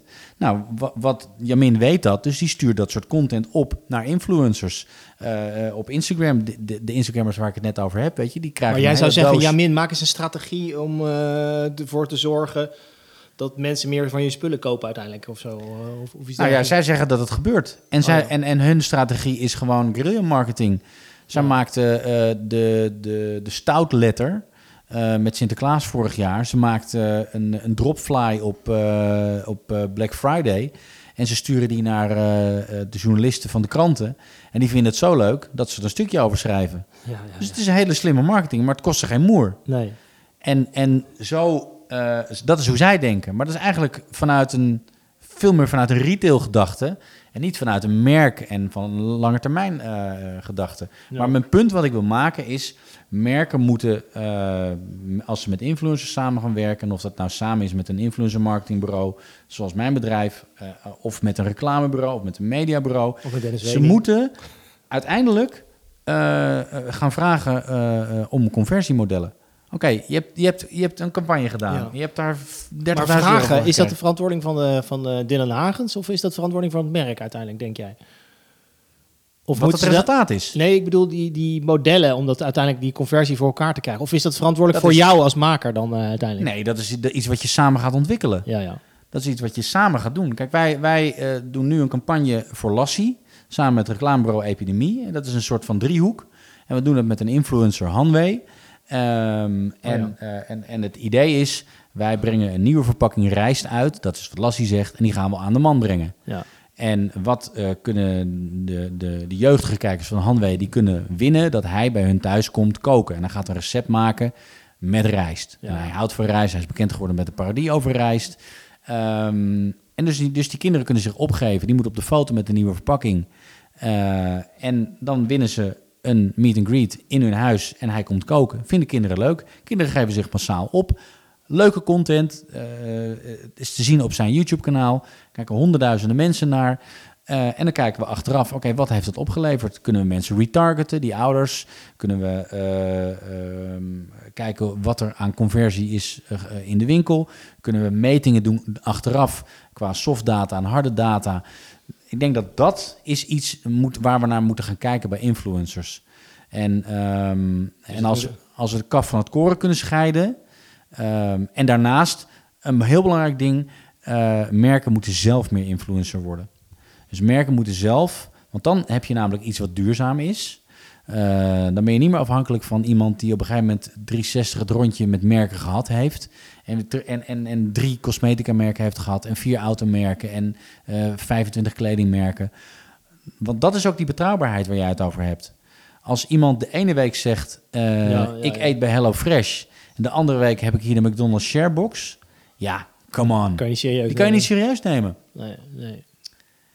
En, als, en, en daarin hebben Nederlandse influencers wat te leren van Amerikaanse influencers. Die zijn echt best wel open over hun samenwerking. Ja? Ja, ja neem, neem bijvoorbeeld de Nerdwriter. Een YouTube-kanaal waar ik graag naar luister met mini-docu's. Tuin van de Keuken, aanraden voor jou. Oh ja? Uh, die maakt over allerlei dingen mini-documentaires. En die zegt gewoon... Um, uh, mijn serie uh, wordt mede mogelijk gemaakt door WordPress. En WordPress is gewoon een ja, hele fijne site. zij maken dit mogelijk, zij betalen hiervoor. En daardoor kan ik voor deze content zorgen. ja, en als je site wil maken, kijk eens naar WordPress. En als je wil, kun je een actiecode gebruiken. En dat is Nerdwriter, WP, Hubbledepub, zoiets. Ja, de jongens van Dude Perfect, heel groot kanaal in Amerika... doen hetzelfde aan het einde van de video. En um, uh, ze lopen daarin echt voor in Amerika. En, uh, en in Nederland zitten wij toch meer een beetje dat we het willen verhullen. Beetje dat maar, behoudende. Ja, we doen maar, het net alsof. Maar zeg gewoon, wij kunnen vette content maken door. Ja. Dat is voor het merk namelijk ook goed. Maar Dylan zie ik het ook nog niet, hè? Dat je, dat je zegt, nee, oh, nee, je niet ziet ook nog wel eens met een Albert Heijn uh, bakkie. Uh, dan ja. denk ik van, hé. Hey. Maar, maar even om het breder te trekken, dat, dat is ook de verantwoordelijkheid dus van die, van die influencers zelf. Om dus gewoon, daar is het is, je moet samen aan tafel zitten. Dus ja. dan heb ik het echt over de combinatie adverteerder, mediabureau, reclamebureau, social media bureau en influencer. Zit je met z'n vijven rond de tafel en dan ga je kijken, oké, hoe kunnen wij doelgroep bereiken? Hoe kunnen we onze targets halen? Um, um, en dan moeten we, vanuit, moeten we van de oude modellen af, zoals de NPO van oude modellen af moet gaan. Weet je, de mediabureaus die willen toch altijd weer uh, kickback fees hebben. En die hebben ze met bepaalde uh, uh, bedrijven. Weet je, die hebben ze ook met Google. En sommige samenwerkingen zullen minder interessant zijn, omdat ze dan die kickback fee niet krijgen. Een sponsoring vanuit een merk met een mediabureau erachter is minder interessant, want wat, wat, wat krijg je ervoor terug? Maar als je dan duidelijk kunt meten dat je echt zichtbare cijfers hebt, data hebt van en brand uh, uh, awareness en conversie, uiteindelijk wil iedereen gewoon meer verkopen en meer bekendbaarheid krijgen. Ja. Er zijn op dit moment drie nieuwe goede doelen waar ik mee in gesprek ben. En die willen allemaal de nieuwe Oxfam Novib worden. Die willen allemaal uh, het nieuwe Rode Kruis worden. Ja, ja. En ze hebben allemaal de meest fantastische intenties. Um, en die willen dat dan op een houtje-touwtje manier doen. Dat werkt niet. Nee, Om geld, op te halen heb je ook geld nodig. Ja. Is het, is het ook daarom dat, uh, want ik zat te denken, inderdaad, merken moeten verantwoordelijkheid nemen, ook zelf influencer worden. Uh, je ziet nog niet zo heel veel hele succesvolle cases nee. nee. Van merken dat je zegt van, joh, die hebben, die hebben toch even ja, gave dingen gedaan. ING is de enige met hun YouTube-kanaal uh, ING Only Football. Toezani. Ja, ja. ja. En, en, en die, die jongens van de bankzitters. Wel, en, uh, hè? Die snapt het wel, hè? Die, uh, die snapt het zeker wel, ja. die maakt gewoon zijn dingen ook. Ja. En dat is, en maar dat, dat is, is natuurlijk ook de uitdaging. Gewoon je ding maken. Dat hebben we ook wel eens eerder over gehad. Dat blijft zo, met een merk zo lastig nog. Dat je die ruimte geven en uh, hoe wel en wa ja, wanneer wel kijk, je merken. Hebt, je, moet el, je moet echt gaan samenwerken dan. Ja, je moet echt gaan samenwerken. Maar dat is ook waarom ik zeg, daarom is, waarom, waarom wij nu met Lassie en met Epidemie samen hebben gewerkt. En dan Epidemie, het reclamebureau, houdt dan heel erg gewoon het brand safe gedeelte in de gaten. Ja. En, uh, en, en wij maken met de influencer, met Hanwee, zeg maar, de content. En uh, we overleggen van tevoren en we zeggen: Oké, okay, dit kan wel, dit kan niet. Maar dit is de bandbreedte die we hebben. Dit is de, de, cirkel waar we binnen moeten blijven. En voel je je comfortabel om binnen deze cirkel nog uh, creatief te zijn? Ja. Als de influencer zegt: Ja, dat voel ik. Uh, en daar staat een bedrag tegenover.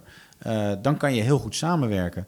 Dus het gaat erom dat je, dat je die, die parameters van tevoren gewoon heel duidelijk instelt. En dan kan je heel goed samenwerken om met je ding doen. Ja, ja, ja. Ja. ja, het helpt wel als mensen een beetje allebei de werelden, denk ik, uh, dan, Ja, dan en doorhebben. Want die dat- marketeer die denkt toch heel anders dan die. Nou dan ja, die moeten dan naar elkaar toe bewegen. Ja. Die moeten echt naar elkaar toe bewegen. Die moeten met elkaar gaan praten en die moeten elkaar uitleggen. Oké, dit is mijn wereld, die werkt zo. En dan moet de influencer uitleggen, dit is mijn wereld, die werkt zo. Ja. En dan moet je allebei iets inleveren om tot een succesvolle samenwerking te komen. En het gaat hier om het vak, hoe het zo mooi genoemd wordt. Het vak verandert. En dat betekent dat wij ook moeten veranderen. En eh, dat het, is- het is gek dat als ik met een, met een DMU praat die, mij, die met mij zaken wil doen, omdat zijn kind mij kent van YouTube. Dat vind ik een hele rare manier van zaken doen. Ja, ja, ja, ja, ja. Dat klopt eigenlijk niet. Nee. En eh, als ik met een marketeer praat die 35 is. eh, hij moet het wel, hij moet gewoon ook de dingen kennen. Want ik heb wel eens het idee, volgens mij heb ik dat in de nieuwsbrief ook geschreven, van, dat er best wel wat marketeers zijn die ook hopen dat die hele influencer, eh, eh, influencer eh, eh, lijn, dat die ook een keer overwaait. Ja. Zo van, dit was niet mijn pakje, Ja, maar dat dit is- was niet mijn pakje aan. Ik hoop dat het, eh, want die, die, die, die vol enthousiasme dit soort onderzoeken bekijken over dat vertrouwen en zo van, nee, blijkbaar komt straks gewoon de commercial weer terug. Maar it Ja. ain't gonna happen volgens It ain't mij. gonna happen. Nee. Nee. Nou Want die wa- voor influencers zijn, die, die, die, dat blijft gewoon en zo. Maar die moeten gewoon nu wel eh Ja, laten we niet vergeten dat. Nee, laten we niet vergeten dat, dat eh, influencer al een heel eh, oud beroep is. Ja. Jezus Christus was ook een influencer. En Elvis Presley ook. En had in ieder geval 12 waren ook- volgers, hè, die Jezus Christus. Ja, die had, die had een hoop. Die had 12 volgers. 12 ja. volgers. Ja. Nou, ja, Als kan die maar nou op. Instagram zou zitten. Hè? Ja, die had Ja. een goed ba goede basis. Wel hele... Nou ja, één was een beetje een rotte appel. Hè. Ja. Ja. Hij had een hoop aanhangers, maar terwijl er nog geen eens auto's waren. Hele flauwe grap. Ja, ja, ja, ja, ja, ja. Maar wat ik wil zeggen is dat in die tijd, weet je, Elvis Presley heeft ook heel veel reclame gemaakt voor een heleboel merken en dingen. Ja. En, eh, maar in die tijd hadden ze geen eigen platform waar dat ook meetbaar was. En dat is nu het mooie van, eh, van social media, is dat, dat ze een eigen platform hebben. Dat je ook kan zien eh, hoeveel volgers ze hebben en hoeveel likes. En wat ik op, opvallend vind, is dat er nog geen benchmark is. En, en die benchmark die, die is er wel. Je kan namelijk, en dan heb ik het even bijvoorbeeld over, als we het hebben over Instagram, eh, je kan naar de engagement rate kijken van een influencer. Dus wat is de engagement rate? Dus hoeveel eh, likes, hoeveel vaak wordt het bekeken, eh, hoeveel reacties zijn er, hoe vaak wordt het gedeeld. Er zijn allerlei sites waar je dat kunt meten. En dan kun je bijvoorbeeld kijken, en eh, als je hebt over, er zijn een aantal influencers. Jij hebt wel eens gezegd over het, vers- eh, de verhouding tussen likes en, eh, en views, zeg maar. Dat moet een beetje 10% zijn, geloof ik. Hè? Dat is, Nou ja, kijk, als je kijkt naar Kylie Jenner, die heeft een, een engagement rate van 2,4. mhm. Ja, maar die heeft wel gewoon miljoenen volgers. En wat is dat dan, 2,4? Dat, eh, wat- Nou, dat is een percentage, dat is, dat is de engagement rate. Dus dat is de benchmark eigenlijk. Maar wa- wa- waar tot... Dat is tot de tot wat? optelsom. Oh ja, ja. Van alle engagement rondom een post. Oh, ja. En dan pakken ze een paar laatste posts of een gemiddelde van een aantal posts. En daar wordt die engagement rate door berekend. Maar dat is de verhouding tussen wat en wat, dat moet je even Ja, uitleggen. het, is, het is het aantal reacties. Ja. Het is het aantal likes. Het is het aantal keer eh, hoe, hoe lang mensen die post kijken. Hoe, mensen op, hoe vaak mensen op die post Tijd klikken. zit er ook in, ja, ja. Hoe vaak die gedeeld En er wordt. komt een soort getal uit van hoeveel, hoe, hoeveel zijn mensen met, met haar bezig. Dat is ja, dus hoeveel engagement heeft hij of precies. zij? En dan kijk je bijvoorbeeld naar wat, wat een heel goed voorbeeld is, is eh, Sterre Koning. Dat is een jong meisje, eh, wordt 17 jaar pas, heeft aan de Voice meegedaan, heeft een bizar hoge engagement rate. Oh ja. En ehm, eh, zij heeft niet eens mega veel volgers. Nou, zij heeft best wel wat volgers, maar haar engagement rate die gaat gewoon richting de 20%. En dat is heel erg veel. En als je dan eh, kijkt naar, eh, naar, naar grote eh, namen op, op Instagram, bekende YouTubers, die hebben soms een engagement rate van, van ook van 2% of 3%. En dan moet je dus, en, en het grappige is dat dan, dan zijn er van die, van die kleine agencies, die gaan dan bedragen roepen voor wat een post kost, of wat een story kost, of dat soort dingen. En dat zijn gewoon, is gewoon natte vingerwerk. Terwijl als je eigenlijk gewoon die engagement rate al- als benchmark neemt, en gewoon zegt, nou ja, oké, superleuk dat die persoon 1 miljoen volgers heeft, maar zijn engagement rate is 1,8. Dus ja, eh, daar, ga, daar ga ik daar niet zoveel betalen. Want ik heb hier iemand die heeft ook een miljoen volgers, maar die heeft een engagement rate van 10. Dus die, daar ga ik meer voor betalen. Dus er zou je een soort formule op, formule op kunnen loslaten. eh, Absoluut, ja. dat kan dus al. Ja. Dat kan En- wel en dat wordt niet gedaan. het wordt niet maar, gedaan. door de- nee, door de nee dus er wordt, er wordt gezegd van ja, maar deze persoon is bekender. Ja, maar het gaat hier juist om exacte data. Dit is, waar het om, dit is wat zo mooi is aan social media. Ja. Je kunt het meten. Dus het gaat er helemaal niet om of iemand bekend is. Maar nee, je zegt bij alles eigenlijk, het is nog kinderschoenenwerk nog. ontzettend kinderschoenenwerk. Ja, nog, nog een beetje gerommel, een beetje van, oh, we hebben heel veel views. Nou, dan eh, moet je ook betalen. Ja, en, dat, en, en ik zat in de jury van de Hashtag Awards. eh, en, en daar was eh, ook zo'n wonderlijk verhaal. Er was een case ingezonden door, volgens mij was het Nivea. Mm. Eh, ik weet het niet zeker meer, maar het ging over zonnebrand voor kinderen. En eh, die hadden een, een eh, YouTube-video gemaakt, een soort kinder voor kinderachtig liedje. En die video had 1,2 miljoen views. En toen keek ik naar de engagement rondom die video. Het aantal likes, dislikes, reacties, gedeelde acties. Dat was heel laag. Ik dacht, nou, als je naar een video van Dylan Hagens kijkt of van Enzo Knol, die een miljoen view- views hebben, nou, dan zijn er heel veel reacties en heel veel likes en eh, wat minder dislikes. Maar dan zie je de engagement eromheen borrelen. Ehm, wat niet wil zeggen dat als je heel weinig engagement hebt, dat je, dat, dat, dat je dan eh, gekochte views hebt. Want Artis had vorig jaar een video, maar die was alleen maar embed op de hoofdsite, eh, op de hoofdpagina van Artis. Waardoor mensen, het was ook niet de bedoeling dat mensen gingen reageren en liken. Nee, nee, Ze gingen hem alleen kijken. Maar deze video, ik vroeg dus, oké, maar ik wil graag de cijfers zien. Wat is organisch bereik en wat is ingekocht bereik? Nou, dat konden ze mij niet vertellen. Nee. Ik zeg, ja, maar dan kan je niet zeggen dat je met een video van 1,1 miljoen views een succesvolle campagne hebt. Dat kun je niet zeggen. Want je hebt zelf namelijk ingekocht op die campagne. Dus wie ben je nu voor de gek aan het houden? Dus als jij zij weten toch hoeveel ze hebben ingekocht Dat weten ze, natuurlijk Er- weten ze dat. weet ja, dat, maar wie zijn ze dan voor de gek aan het houden? De directeur die het niet weet? Nou, ik hoop dat hij naar deze podcast luistert en denkt van... hé, hey, ik ga Hey, eens even vragen naar... wat hadden we aan organisch bereik? Een hele belangrijke term, organisch bereik. Ja. Nou ja, als jij organisch bereik van je video eh, bijvoorbeeld, weet ik veel, 6% is... mm, ja, dan weet je dat het, eh, dat het niet zo goed gaat. Het is ook vaak wel logisch denken. Hè? Als je, eh, jij komt uit de media, als jij iets ziet en dan weet je wat populair is of wat niet populair is. En als je opeens miljoenen views ziet bij iets wat best wel saai is of zo, en wat je denkt, van, Ja. nou, nou, nou, ik, ken er niet, ik kan er niet zes opnoemen die dat leuk zouden vinden, Nee. dan zijn er waarschijnlijk, dan, dan zijn er ook niet waarschijnlijk zoveel views. Nee, maar dat dan wel insturen voor een, voor een awardshow. Ja. En dan zeggen, ja, het is succesvol vanwege de views. Ja, dat vind ik ook naïef vanuit een, vanuit een bureau dan. Ja. En dan kan je een prijs winnen voor je creatie. Dus dan gewoon puur wat je gemaakt hebt. Je hebt een leuk liedje gemaakt of je hebt een leuke clip gemaakt. Maar ga niet eh, zeggen, het is heel succesvol. Want dat is het niet. Althans, je kan het mij niet laten zien. En als inderdaad, eh, eh, weet ik veel, Dylan Hagens een, een campagne doet voor Toverland. En daardoor is, heeft Toverland door zijn bezoek en zijn aankondiging op zijn kanaal de meeste bezoekers van het hele jaar. Ja, Dat is, dat is conversie. Ja, ja. ja. Dat is heel duidelijk meetbaar. En dan kun je gewoon zeggen, oké, nou ja, toen we dat niet deden hadden we zoveel bezoekers. Nu we dat met hem gedaan hebben, hebben we zoveel bezoekers. Waren dat er veel trouwens? Het was een record. Er waren nog nooit zoveel bezoekers geweest. En zegt Toverland dan het jaar later van, nou, eh, dat gaan we nog een keer doen. En we Nou, ze moeten hebben- nu wat meer met- betalen. Ze hebben met heel veel, eh, met heel veel influencers hebben ze een campagne gedaan. Je zou voor de grappers met de mensen van Toverland moeten praten over Ja. wat zij vinden van influencercampagnes. Ik denk dat ze heel blij zijn, want het werkt gewoon. Het werkt echt. Ja, ik geloof het ook wel. Ja. Ik geloof ook niet dat elk product op dit moment nog geschikt is voor, eh, voor influencercampagnes. Nee, wat is dan een criterium of zo? Dat Nou heeft met publiek er te maken. is- met publiek. het is er publiek? dat- Is er publiek? Ja. Toverland mensen die, die, die dagjes uitgaan en zo. Dat, ja. Ja. dat zijn misschien inderdaad de... En, en de mama-markt is ook heel heel erg een niche. En ik denk dat de, de, de fashion-markt steeds meer upcoming is. Weet je, als je, als je unieke content maakt. eh, eh, vond ik heel grappig. eh, ik had een, een workshop vanuit eh, Instagram. En ehm, daarna was een workshop van Facebook. En dat is natuurlijk hetzelfde bedrijf. En Ja. eh, de mensen van Instagram die waren aan het vertellen... ja, vertical video, dat is helemaal het ding. Vertical video, we zien het met de stories. En dan is allemaal wetenschappelijk onderzoek. En ik dacht al lang, ja, vertical video. Nou, ik, ik hou dat niet vol, weet je. Een story kijken op Instagram vind ik prima. Eh, maar echt een hele video, eh, daar zijn onze ogen niet voor gemaakt. En ik krijg er hoofdpijn van. Ja. En toen zeiden ze ja, aan alle mensen die dan eh, horizontale video's maken en dan een icoontje hebben van kantel je scherm, kantel je scherm, ja. die blokken we met ons algoritme.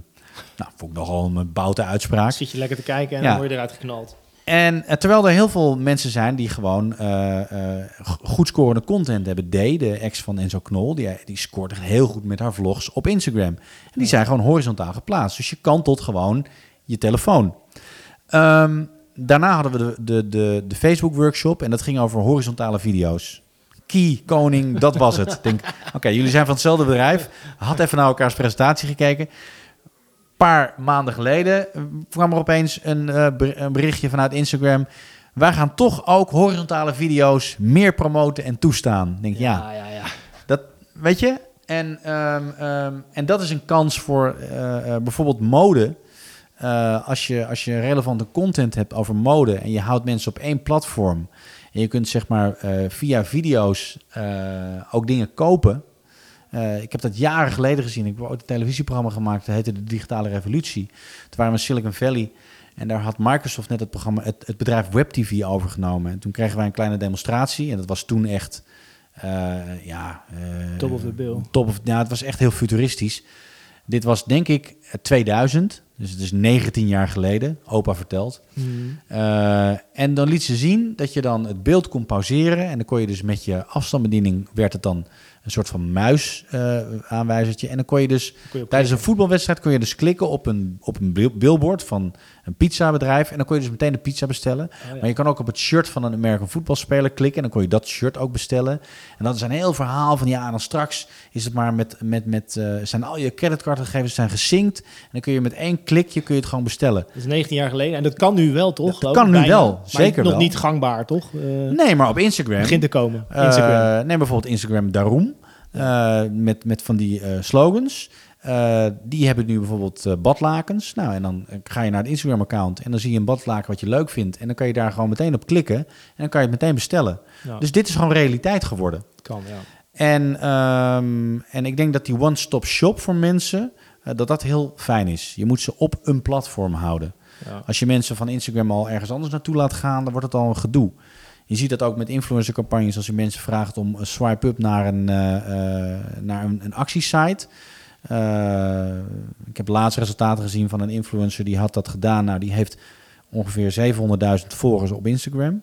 Die story, die gesponsorde story van 15 seconden, die was door 110.000 mensen gezien. Hmm. En er waren 3.500 euro, 3.500 mensen die daadwerkelijk een swipe-up hadden gedaan. Dus je, je, je, je, je... Die iets, iets gaan zijn gaan kopen of iets zijn gaan... Nee, die, naar een, die alleen maar geswiped zijn naar een site. Oh, ja, en dan moesten ze daar nog een actie doen. Oh, ja. Dus het, weet je, de, de, uh, de conversie uh, binnen zo'n platform is ook best wel laag. Ja. En, uh, maar maar die, nogmaals, die data die is allemaal beschikbaar. Dus ik denk dat als je als adverteerder, als, als, als mediabureau, als reclamebureau gewoon die data opvraagt en ook uh, influencers pusht tot uh, uh, ja, campagnes merkdocumenten doen. En, ja, merkdocumenten, maar ook, ook campagnes die conversie-driven zijn. Hmm. Um, want dat is uiteindelijk wat, wat, wat TVC's ook zijn. En dat is uiteindelijk wat printcampagnes en wat uh, outdoor-campagnes ook zijn. Ze willen conversie, ze willen dat mensen naar de winkel gaan, ze willen dat mensen een product kopen. En, um, en dat heb je meer in de hand als je eigen influencers creëert vanuit je bedrijf. Ik vind ook wel dat, uh, uh, want je dwingt eigenlijk dan die influencers om zo te gaan denken. Ik vind dat je ook wel kan zeggen uh, van ja, mediabureaus, mediabureaus of merken of zo. Van wij hebben die kennis aanwezig hoe dat werkt, zeg maar, dat systeem. We leren, we, ja. we gaan daar ook in meedenken, weet je ja. wel. nu is het misschien meer te veel afwachten van wat er gebeurt uiteindelijk. Je moet het wel dan samen doen natuurlijk. Nou ja, kijk, kijk wat er gebeurt. Kijk wat er voor cases zijn, ook internationaal. Uh, wat, wat, er voor internationale nieuwsbrieven elke dag uitkomen. Ik, ik, uh, ik vreet ze elke dag op. Uh, er zijn zoveel voorbeelden van, van goede cases. Weet je, als er merken zijn of mediabureaus of reclamebureaus die internationaal gezien zich wel er echt in verdiepen. Um, en, en echt hele goede uitgerolde cases uh, neerzetten. dan, dan heb je ook goed resultaat. En dan kunnen die marketeers die, waar jij het over hebt, die hopen dat het een hype is, dat het overvliegt. Ja, sorry, maar dat gaat echt niet gebeuren. Nee, dat gaat niet gebeuren, nee. En het zal misschien meer parallel gaan gebeuren. Uh, want uh, nou, er zal wel wat gebeuren, want de, de trust is natuurlijk een enorm probleem. Dus er ja. gaat wel wat gebeuren natuurlijk. Misschien de kleine jongens krijgen het lastiger om uh, publiek te verwerven of zo. Weet je wel, er, gaat wel, het gaat professioneel, professioneler worden. Ja, het wordt zeker professioneler. Maar dat is ook goed. Ja. En, en uh, ik, ik vind het goed dat, uh, dat er vraagtekens uh, zijn en dat mensen vragen hebben. Uh, en en laat, ja, laat die dialoog ontstaan en steeds meer plaatsvinden. We zullen het er zeker nog een keertje over hebben. Absoluut. Ik dank, ik dank jou nu voor je tijd. Je bent hartstikke druk. Graag gedaan. En Ja. eh, ik spreek je snel weer. Ik hoop het. Ik zeg, zie je. Hoi, hoi, hoi.